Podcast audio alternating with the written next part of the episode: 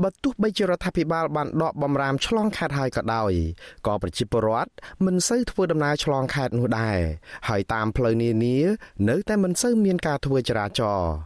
មានពលរដ្ឋតិចតួចណាស់បានធ្វើដំណើរចេញក្រៅផ្ទះពលរដ្ឋម្នាក់នៅឯខេត្តតកែវលោកផៃថាឲ្យដឹងថាអាជ្ញាធរតាមភូមិឃុំនៅតែបន្តការផ្សព្វផ្សាយលើកទឹកចិត្តឲ្យប្រជាពលរដ្ឋកុំធ្វើដំណើរឆ្លងខេត្តដដែលបើគ្មានការចាំបាច់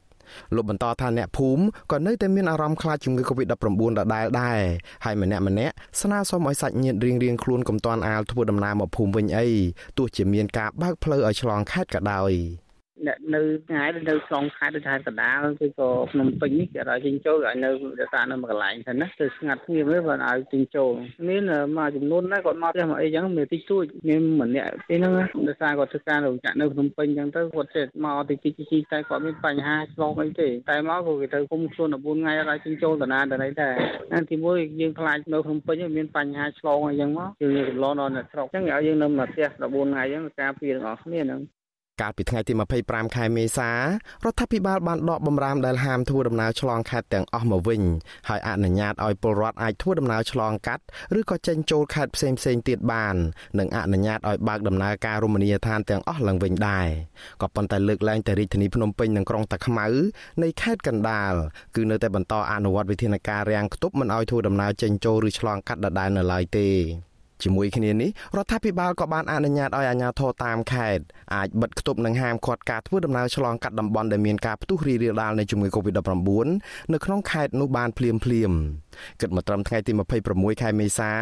មានភូមិឬក៏តំបន់មួយចំនួនត្រូវបានអាជ្ញាធរខេត្តបន្ទាយមានជ័យខេត្តប្រស័យអនុនិងខេត្តតាកែវបិទគប់ដោយសារតែមានការផ្ទុះជំងឺ Covid-19 នេះ។ បន្ថែមពីនេះរដ្ឋាភិបាលក៏បានណែនាំឲ្យអាជ្ញាធរត្រូវតែយកសំណាក់ធ្វើចតាល័យស័កចំពោះអ្នកធ្វើដំណើរឆ្លងខេត្តដែលវិលត្រឡប់មករស់នៅឬក៏ស្នាក់នៅរយៈពេលវែង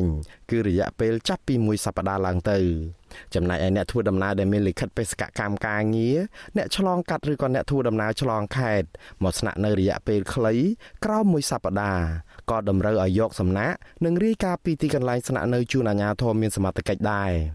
ការធ្វើតេស្តសំណាក់នេះនឹងចេញលទ្ធផលដោយរហ័សហើយមានសុពលភាពសម្រាប់ការធ្វើដំណើររយៈពេល1ថ្ងៃអ្នកខ្លាំមើលសង្គមសង្កេតឃើញថាស្ថានភាពតាមផ្លូវនិងរមណីយដ្ឋាននៅតែបន្តស្ងាត់ជ្រងំដដែលប្រធានសហព័ន្ធសហជីពកម្មករវិស័យទេសចរនិងសេវាកម្ពុជាលោកមុំរទ្ធីឲ្យដឹងថាតាមផ្លូវជាតិនិងផ្លូវនៅក្នុងក្រុងសៀមរាបនៅតែបន្តស្ងាត់លោកថាពលរដ្ឋមិនទាន់មានទំនុកចិត្តហ៊ានធ្វើដំណើរចេញក្រៅផ្ទះដូចមុននោះទេ ចំណែកនៅតាមរមណីយដ្ឋាននៅក្នុងខេត្តសៀមរាបក៏គ្មានមនុស្សទៅលេងកម្សាន្តនោះដែរបើទោះបីជាយ៉ាងនេះក្តីលោកមុំរទ្ធីមិនគាំទ្រចំពោះការអនុញ្ញាតឲ្យប្រជាពលរដ្ឋអាចធ្វើដំណើរឆ្លងកាត់ខេត្តនិងការបើករមណីយដ្ឋាននេះឡើងវិញនោះទេព្រោះលោកបារម្ភពីការឆ្លងជំងឺ Covid-19 ឡើងវិញ។ មន្ត្រីសហជីពរូបនេះជំរុញឲ្យរដ្ឋាភិបាលរឹតបន្តឹងការធ្វើដំណើរឆ្លងកាត់ខេត្តដដែលតែត្រូវជួយដល់វិស័យដឹកជញ្ជូនឲ្យមានការដឹកទំនិញចេញចូលឆ្លងកាត់ខេត្តរាជធានីឲ្យបានរលូនលោកក៏ស្នើសុំឲ្យរដ្ឋាភិបាលជួយសម្រួលឲ្យប្រជាពលរដ្ឋកំពុងស្នាក់នៅក្នុងតំបន់បិទគប់អាចធ្វើដំណើរបានខ្លះនៅក្នុងតំបន់ដែលខ្លួនកំពុងរស់នៅដើម្បីឲ្យពួកគាត់អាចទិញម្ហូបអាហារនិងតម្រូវការចាំបាច់ប្រចាំថ្ងៃបាន អញ្ចឹងខ្ញុំគិតថាបើបើកពេលហ្នឹងខ្ញុំមិនលើកទឹកចិត្តឲ្យបើកទេព្រោះតែមានការបិទបន្តទៀតហើយត្រូវតែមានលក្ខណៈត្រៀមដើម្បីជួយទៅនៅលំឡងពេលបិទហ្នឹងជួយទៅប្រជាជនណាថាបិទហ្នឹងតែយើងត្រូវមានអីជួយទៅពួកគាត់ប៉ុន្តែបើការបើកនេះខ្ញុំគិតថាវាអាចនឹងមានការឆ្លងបន្តទៀតបើសិនជានៅកន្លែងមួយចំនួនប្រជាជននៅតែលួចចេញមកបានហើយជំងឺហ្នឹងវាមិនទាន់បានថយចុះអញ្ចឹងខ្ញុំគិតថាវាអាចនឹងមានការឆ្លងបន្តទៀតហើយវាធ្វើឲ្យមានបញ្ហាកាន់តែធ្ងន់ទៅធ្ងន់ទៅវាអាចប៉ះពាល់ដល់សេដ្ឋកិច្ចកាន់តែវែងឆ្ងាយទៅទៀត រដ្ឋាភិបាលបានដាក់បំរាមឆ្លងកាត់ខេត្តនិងបិទរមណីយដ្ឋានទាំងអស់កាលពីថ្ងៃទី17ខែមេសាដើម្បីបង្ការការឆ្លងរីករាលដាលនៃជំងឺ Covid-19 នេះ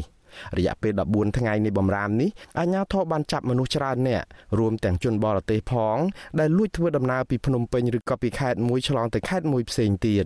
នៅក្នុងនោះសមត្ថកិច្ចបានចាប់មន្ត្រីយោធាម្នាក់ពាក់ផ្កាយ2លួចដឹកជនជាតិចិនជិត30នាក់ពីភ្នំពេញបំរុងដឹកឆ្លងដែនទៅប្រទេសវៀតណាម ខ្ញុំបាទមុងណារ៉េត With you Aziz Ray ប្រធានាធិបតី Washington